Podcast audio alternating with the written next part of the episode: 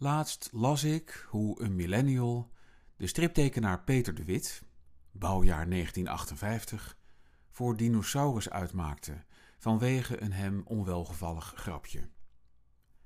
Het grapje gaat zo. Een vrouw komt blij binnen bij de psychiater Sigmund en vertelt dat zij het gedicht The Hill We Climb mag vertalen omdat ze vrouw, zwart, jong en spoken word artist is. Sigmund feliciteert haar en vraagt hoe ze het aan gaat pakken. Antwoord, tevens clue van het stripje: Ik gooi het door Google Translate. Ja, doseerde die millennial. Ik weet niet of ik dit nou wel zo'n geslaagd grapje vind. Die hele discussie vaart niet wel bij allerlei kort door de bocht opmerkingen.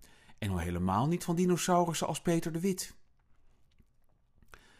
Het was min of meer mijn eigen schuld dat deze reactie bestond. Want ik had het stripje zelf uit de krant geknipt en op Facebook gezet. Het is een cartoon, schreef ik terug. Een getekend grapje. Je weet wel, van die dingen die leuk bedoeld zijn, waarvoor sommige tekenaars zijn kapotgeschoten door gehersenspoelde extremisten, bij wie elk gevoel voor humor en verbeeldingskracht tot moes is geslagen met de kolf van een Kalashnikov. Die zinnen haalde ik maar weg. Ik zit ergens tussen dinosaurussen en millennials in. Ik begin langzaam maar zeker te leren wanneer ik beter mijn innerlijke freek de jongen de mond kan snoeren en iets in de tuin gaan doen. Bovendien bedoelde deze millennial het helemaal niet zo kwaad. Hij wilde alleen maar, even humorloos als genuanceerd, een discussie voortzetten waarachter het stripje van Peter de Wit, wat mij betreft, een relativerende punt was.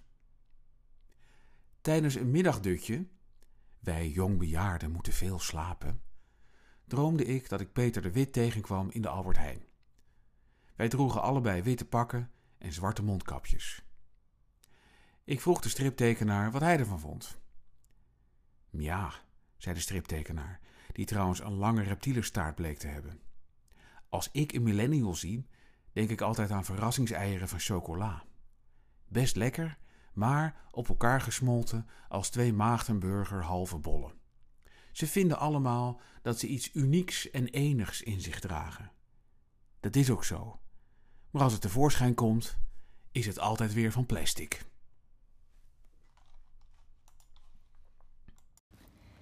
Ben jij blij met deze podcast? Laat het dan merken met een kleine donatie. Kijk op www.cultureelpersbureau.nl/slash doneren en maak ons gelukkig. Dus www.cultureelpersbureau.nl schuine streep doneren.